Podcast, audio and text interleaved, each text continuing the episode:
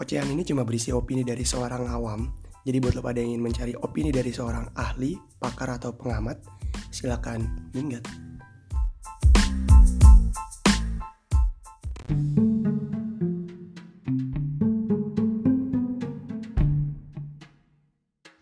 Assalamualaikum, selamat datang di acara Awam Bicara. Kali ini gue mau bahas soal bukan berita, bukan sesuatu yang viral juga, tapi lagi pengen gue bahas aja cukup menarik lah buat gue. Jadi mau bahas sesuatu yang mistis atau horor. Nggak nggak mistis mistis banget sih. Uh, jadi membahas mistis atau horor dalam sudut pandang psikologi. Eh jangan dari sudut pandang psikologi deh. Gue nanti nggak bisa mempertanggungjawabkan omongan gue gue nggak tahu kan yang gue omongin sesuai dengan psikologi apa enggak. Gini aja sudut pandang mas bekas mahasiswa psikologi yang sudah hidup di malam hari. Maksudnya yang sering kelayapan di malam hari. Ah apalah namanya itulah pokoknya. Jadi maksudnya tuh gue tuh di kerjaan sebelumnya gue sip malam. Sip malam dari jam 10 malam sampai jam 5 pagi gue kerja. Kadang-kadang sampai jam 7 pagi dan sebelum gue kerja sip malam juga emang dari zaman kuliah gue ya apa ya kayak kayak nocturnal lah. Gue lebih aktif di malam hari. Keluar membeli makan malam-malam beli apa-apa malam-malam gitu gitulah pokoknya gue sering beraktivitas di malam hari. Jadi ketakutan gue dengan hal mistis tuh semenjak itu udah agak berkurang. Waktu kerja juga gue sering beli makan malam-malam ada warkop yang buka 24 jam Nah ya jadi gitu membahas sudut pandang mistis dari mahasiswa bekas bekas mahasiswa psikologi yang hidupnya di malam hari. Bukan kehidupan malam yang nakal ya, cuma kebetulan aja cari makan malam-malam. Kebetulan gue kuliah di psikologi 2015, 2019 kemarin lulus. Normal lah ya 4 tahun. Nah waktu itu pas lagi pelajaran apa gitu dosen gue pernah bahas tentang horor dan dikaitin sama psikologi gimana. Nah, itu pengen gue bahas di sini. Jadi awalnya yang bikin gue mau bahas ini tuh gara-gara di YouTube itu kan gue sering nonton video-video binatang. ya gue sering nonton video-video binatang lah. Macem-macem, kucing, anjing, harimau, binatang dari binatang-binatang domestik sampai binatang-binatang hutan lah gue sering tonton sampai akhirnya algoritma YouTube itu ngebawa gue ke video Cane Kalawait. Kalau nggak salah namanya ya Cane Kalawait. Cane Kalawait. Dia orang Kalimantan. Dia orang Perancis sih. Cuma dia punya niat baik atau terobsesi dengan kehidupan owa owa Kalimantan. Jadi dia tinggal di Kalimantan dari tahun udah lama lah dari lama. Sebenarnya sebelum algoritma YouTube ngebawa gue ke channel Cane Kalawait itu waktu itu kalau nggak salah sempet trending deh video anaknya tuh anaknya namanya siapa ya? Jack Jack Kelewet apa? Pokoknya ada kelewet kelewetnya juga deh. Nanti gue coba cek gue cantumin di deskripsi. Itu videonya tentang 24 jam di hutan Kalimantan. Itu video anaknya. Cuma gue nggak terlalu ngikutin anaknya. Setelah video anaknya gue tonton sekali mungkin gara-gara itu juga bukan cuma gara-gara gue suka nonton binatang. Gara-gara gue nonton video anaknya itu sekali itu akhirnya di beranda YouTube gue nongol video bapaknya tuh Cane Kalawet gue tonton gue ikutin video Cane Kalawet gue cari tahu kan ini orang siapa gitu. Gue tonton gue tonton gue tonton sampai akhirnya gue nemu video video dia yang berisi tentang pengalaman horor selama tinggal di hutan Kalimantan. Gue nggak mau bahas isi videonya sih. Isi videonya uh, sedikit sedikit yang gue bahas tuh di isi videonya dibilang dia nggak terlalu ada banyak pengalaman horor. Nah ini nanti mau gue sangkut pautin nah jadi waktu itu gue di kampus lagi kuliah lagi belajar apa ya gue lupa mata kuliahnya tapi gue inget nama dosennya. Dosennya tuh namanya Pak Adi. Pak Adi ini salah satu dosen kompeten salah satu dosen kelihatan pinter lah di kampus gue dia sih ngajarnya ngajar-ngajar mata kuliah ini penelitian-penelitian. Kalau nggak salah itu metodologi penelitian kualitatif apa kuantitatif gitu. Intinya lagi bahas penelitian lah dia cerita soal sudut pandang psikologi terhadap hal-hal mistis atau horor. Gue gak tahu dia bercanda apa serius tapi dia sempat ada omongan dia bilang gini. Dia bilang di di mana gitu lagi mengembangkan ilmu psikologi yang berhubungan dengan mistis. Jadi mau dijadikan mata kuliah atau dijadikan SKS atau dijadikan teori yang saklek gitu. Psikologi terhadap mistis pengen dijadikan penelitian yang ilmiah lah gitu.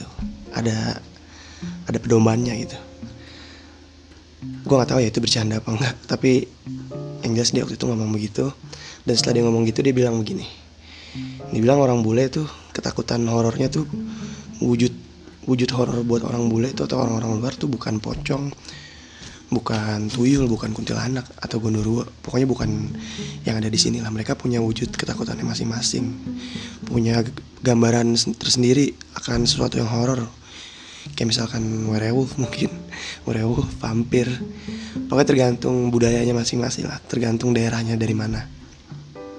Nah jadi dia bilang itu ketakutan yang ketakutan akan horor yang terjadi di manusia itu sifatnya diturunkan bukan timbul sendiri. Karena lo waktu kecil mungkin kalau lo nggak diajarin bahwa kuntilanak itu serem pocong itu serem pocong itu horor kuntilanak itu horor lo mungkin sekarang nggak akan takut dengan hal begituan.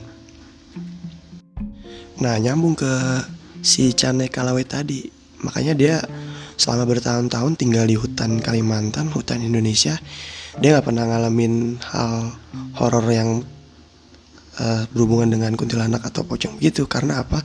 Karena memang pada kecil pada saat dia masih belajar dia nggak pernah diajarin sama orang tuanya bahwa kuntilanak dan pocong itu nyata atau menyeramkan. Gitu. Jadi gue sangat setuju sih sama pernyataan Pak Adi tuh pernyataan dosen gue yang dia bilang kalau ketakutan atau wujud wujud uh, gambaran horor kita tuh sifatnya diturunkan bukan alami dari diri kita tapi diturunkan. Karena kita sama orang tua kita atau orang-orang dewasa di sekitar kita diajarkannya bahwa kuntilanak itu serem menakutkan. Jadi sampai gede sekarang kita mikirnya bahwa itu serem dan menakutkan. Padahal kita nggak tahu itu nyata atau enggak. Gue sih percaya sama hal goib. Kan itu udah jelas lah di kitab suci. Mana pun mungkin nggak tahu ya kitab suci yang lain yang jelas di Al-Quran di tahu kalau hal goib itu ada. Cuma yang gue nggak percaya ketika ada temen atau orang yang cerita eh gue tadi ngeliat kuntilanak. Eh gue tadi ngeliat tuyul ngeliat pocong. Nah itu yang gue nggak percaya. Goibnya gue nggak percaya tapi cerita orang telah melihat kuntilanak dan pocong itu yang gue nggak percaya. Kenapa? Karena orang kalau dalam keadaan takut atau panik tuh cenderung jadi PA serius serius. Orang kalau dalam keadaan panik begitu cenderung tuh jadi aneh. Jadi melihat sesuatu yang dia nggak tahu itu apa. Uh, dia nggak mampu mengidentifikasi bahwa apaan tuh. Akhirnya biar gampang ah paling pocong. Ah kuntilanak tuh ah pocong gitu. Padahal itu belum tentu. Jadi cuma intinya cuma karena dia takut dan dia diajarkan bahwa dari kecil itu bahwa hal yang menakutkan itu pocong kuntilanak dan lain-lain. Terus dia merasa takut akhirnya dia menyimpulkan bahwa bentuk yang dilihat itu adalah kuntilanak atau pocong gue sendiri sih dulu pernah ngerasain kayak gitu. Tapi gue nggak mau langsung bilang kalau yang gue lihat itu pocong atau kuntilanak. Paling gue bilang gue ngeliat bayangan-bayangan gitu. Dan ya pasti merasa takut manusiawi kan. Dulu apalagi gue ngeliatnya waktu zaman zaman SMK nah SMK gue udah hidup uh, sering keluar malam juga tuh dari zaman SMK iya gue ngeliat hal serem-serem gitu. Tapi gue berusaha untuk meyakinkan diri gue bahwa ah paling coba bayangan ah paling cuman bayangan jemuran gitu gitulah itu waktu dulu zaman SMK nah sekarang sekarang nih gue udah 23 tahun udah kerja kan. Bahkan pas kuliah pun itu ketakutan gue untuk hal itu tuh udah bener-bener berkurang cuy. Bahkan bukannya bukannya apa ya nantang bukannya nantangin ya. Kadang-kadang kalau ada suara-suara gitu suara-suara yang gue nggak tahu asalnya dari mana nih. Misalkan gue lagi jam 2 malam nih sekarang nih oh ini pas banget nih jam 2.00 misalkan lagi jam 2 malam ada suara-suara gue nggak tahu sumber suaranya. Mungkin kalau diri gue yang pada saat SMA waktu itu gue bakal merasa ketakutan. Tapi kalau sekarang gue bakal ya biasa aja malah kadang-kadang gue ngomong sendiri ah apaan sih? Gitu ya intinya udah udah biasa aja lah dengan hal-hal seperti itu. Karena kita kan nggak tahu suara-suara itu berasal dari mana tapi bukan berarti karena kita nggak tahu terus kita menyimpulkan bahwa itu mistis kan belum tentu seperti itu. Gue keluar nyari makan kan waktu zaman kerja dulu. Nyari makan jam biasanya istirahat tuh jam 1 jam 1 atau jam 3 kalau masuk jam 9 jam 1 kalau masuk jam 11 istirahat jam 3 pagi. Jam satu pagi jam satu malam atau jam 3 malam. Jam satu pagi atau jam 3 pagi ya itulah gue keluar gue beli makanan ngelewatin lorong-lorong kantor biasa aja.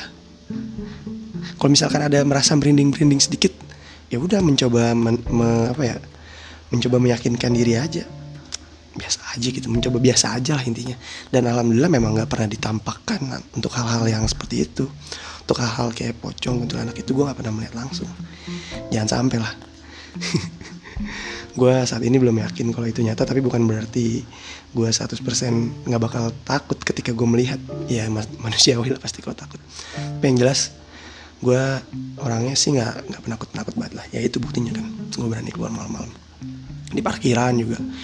Kalau pulang jam 5 pagi tuh di parkiran kan masih gelap. Ya kadang-kadang mata gue pasti ngelirik-ngelirik kan. Ngelirik-ngelirik. Gelap-gelap ngelirik-ngelirik. Ada sesuatu gak nih tapi nggak ada alhamdulillahnya. Dan yang paling gue takutin tuh kalau gue malam-malam misalkan gue naik motor jam 3 malam gue jujur gue lebih takut sama begal gue pernah tuh beberapa kali lah gue kan sering naik motor malam-malam. Mendingan ketemu pocong atau kuntilanak deh daripada ketemu begal Begal kan fisik lo dibacok meninggal bisa apa? Kalau kuntilanak atau pocong kan paling cuma merinding doang. Jadi intinya ketakutan akan hal pocong, kuntilanak dan setan-setan yang di budaya kita itu tuh semua tuh sifatnya diturunkan. Bukan dipelajari sendiri tapi diturunkan, diajarkan, bukan dipelajari sendiri tapi diajarkan sama orang dewasa di sekitar kita. Kalau belajar sendiri kan lo udah melihat langsung nih wah oh iya ada pocong dan serem lo ternyata. Lo takut itu namanya natural alami. Tapi yang sering terjadi ya karena diajarkan karena dikasih tahu bahwa pocong dan kuntilanak itu menyeramkan. Padahal kalau ketemu langsung kan siapa tahu nggak semenyeramkan itu. Atau mungkin bahkan seumur hidup kita kita nggak akan pernah ketemu dengan hal itu. Itu kesimpulan pertama. Terus kesimpulan keduanya ketika lo sudah terbiasa dengan hal-hal yang diajarkan dari kecil tuh dan ternyata hal-hal yang ditanamkan ke lo dari kecil itu ternyata sebuah hal yang salah gitu dan lo terbiasa bahwa itu hal yang salah ya udah lo jadi biasa aja. Perlahan-lahan uh, lo tidak mempercayai hal itulah perlahan-lahan. Gitu. Tapi ya baik lagi tergantung orang ya kan. Orang beda-beda tingkat keberaniannya. Uh, kadang-kadang walaupun udah di udah dia sering keluar malam sering terbiasa dengan eh, hal-hal uh, yang gelap-gelap lah atau hal yang suasana-suasana mencengkram gitu. Walaupun dia sudah terbiasa seperti itu tapi masih takut itu ada juga yang kayak gitu. Itu tergantung orangnya masing-masing lah. Itu kesimpulan kedua. Nah makanya si bule Cana Kalawet ini waktu di hutan Kalimantan gak banyak mengalami pengalaman mistis. Ya karena dari kecil dia nggak diajarin uh, untuk takut terhadap pocong dan kuntilanak atau setan-setan di Indonesia. Mungkin seperti itu ya gue nggak tahu kan latar belakang dia ke kayak gimana. Itu, itu asumsi gue berdasarkan yang udah gue alamin oh ya ngomong-ngomong tuh ada tuh teori di psikologi soal fobia atau ketakutan fobia itu kan ketakutan terhadap sesuatu.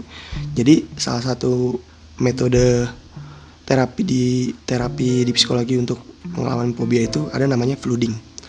Flooding itu dia metodenya itu lo dipaparkan sama hal yang lo takutin secara terus menerus sampai lo nggak takut lagi. Contohnya misalnya lo takut ketinggian. Misalkan lo takut ketinggian sekian meter lah pertama lo dipaparin ketinggian 2 meter nih. Lo lihat suruh lihat ke bawah sampai lo berani. Tapi ternyata itu terlalu berlebihan buat lo ya dikurangin satu meter. Oh satu meter ternyata lo cukup. Lo bisa terbiasa dengan ketinggian satu meter. Lo dihadapin terus dengan ketinggian satu meter. Misalkan lo sudah terbiasa dengan ketinggian satu meter naik level jadi 2 meter atau satu setengah meter.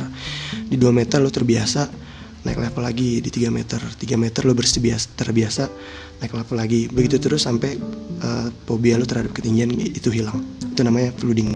Nah jadi teori ini masuk kan ke hal mistis juga. Misalkan lo takut sama mistis berlebihan batu takut sama mistis misalnya. Tapi karena lo terbiasa dengan hidup di malam hari suasana mencengkam apa-apa sendiri gelap-gelap sendiri dan lo terbiasa dengan hal itu dan tidak melihat pocong dan kuntilanak sehingga ketakutan lo terhadap hal itu jadi berkurang. Mungkin itu yang gue alamin kali ya secara tidak langsung itu yang gue alamin. Dan pasti banyak orang yang seperti itu juga. Ya pastilah kan anak kecil sama orang dewasa pasti soal mistis orang dewasa lebih berani anak kecil lebih takut. Mungkin karena gue sekarang udah lebih dewasa dari gue yang dulu gue jadi lebih berani dengan hal yang seperti itu. Gitu. Dan lo, lo pada untuk yang masih takut ya coba coba metode flooding itu. Lo paparin aja terbiasa dengan hal yang lo takutin itu nanti juga lama-lama jadi biasa. Gitu. Ya udah sekian aja untuk rekaman kali ini. Jadi kesimpulannya gitu. Kesimpulan pertama hal mistis itu diturunkan diajarkan bukan dialamin sendiri. Kesimpulan kedua apa nih tadi ya? Iya. kesimpulan keduanya ketika lo sudah terbiasa dengan hal-hal yang lo takutin ya udah lo nggak bakal takut lagi dengan hal itu karena sudah terbiasa. Flooding metode flooding terhadap fobia atau ketakutan. Tapi maksud gue di sini uh, maksud gue dengan terbiasa itu bukan terbiasa lo terbiasa melihat pocong bukan. Maksud gue lo terbiasa dengan suasana yang menakutkan terbiasa dengan suasana sendiri gelap itu kalau terbiasa dengan pocong dan kuntilanak emang ada ya emang sesering itukah mereka muncul di hidup lo kayaknya sih gue meragukan hal itu. Tapi jika memang ada orang yang sesering itu dihadapkan dengan pocong dan kuntilanak ya ya mungkin setelah bertahun-tahun pasti akan terbiasa juga mungkin ya. Tapi di sini uh, terbiasa maksud gue tuh terbiasa dengan suasana yang menyeramkan atau suasana yang menakutkan. Bukan terbiasa dengan pocong dan kuntilanaknya. Gitu. Lagian emang pocong sama kuntilanak itu yakin pada itu nyata itu kan hal yang diajarkan sama orang tua kita. Orang bule mana ada yang percaya pocong sama kuntilanak itu nyata? Nah coba lo tanya diri sendiri. Lo yakin gak serah lo gue sih percaya hal goib tapi kalau untuk pocong dan kuntilanak ya nggak tahu kan selama ini kan belum ada yang membuktikan bahwa setan-setan itu nyata. Tapi kalaupun lo pernah melihat atau seperti melihat itu ada teori lagi. Ada teori lagi ketika lo ketakutkan ya lo akan memproyeksikan hal yang lo takutin itu hal yang serem itu yang dia udah diajarkan atau ditanemin ke kita sejak kecil terus kita panik kita takut jadinya kita memproyeksikan hal itu menggambarkan hal itu. Jadi bisa jadi itu sebuah ilusi doang nggak benar-benar nyata. Jadi kalau misalkan ada orang cerita itu bisa jadi itu cuma ilusi atau halusinasi kan? Dan satu-satunya cara untuk membuktikan itu benar atau enggak ya lo tangkep dan itu kayaknya mustahil kan lo tangkep masukin dalam botol. Lo tangkep gitu. Itu mustahil. Itulah sebabnya kenapa di Indonesia tuh kalau takut yang diilusin atau yang digambarkannya tuh kuntilanak. Karena memang itu yang diajarkan dari kecil. Coba lo lihat orang bule kalau takut gelap-gelap uh, pikirannya setan setan setan. Tapi yang dia gambarin yang dia bilang ke teman-temannya tuh bukan kuntilanak atau pocong. Mungkin dia melihat sosok apa gitu lain. Nggak tahu gue apa namanya kalau orang bule. Werewolf gitu mungkin vampir falak falak mungkin. Suster nah gitu. Nah mungkin kalau misalkan penampakan penampakan kayak noni Belanda tuh atau arwah-arwah sebelumnya di tempat yang sesuai bisa lebih masuk. Tapi nggak juga sih mungkin mungkin juga itu halusinasi juga. Ya susah lah membuktikan hal goib itu susah. Jadi itu dibuktikannya dan uh, nggak bisa dibuktikan ya di diyakinin doang itu. Itu diyakinin doang. Jadi tergantung keyakinan lo pada masing-masing. Lo percaya dengan perwujudan makhluk goib itu seperti apa? Apakah dengan kuntilanak dan pocong atau bukan? Gitu. Ya udah. Sekian aja dari gua mohon maaf kalau ada salah-salah kata walaupun nanti gue bakal ngomong gitu lagi di closing wassalamualaikum warahmatullahi wabarakatuh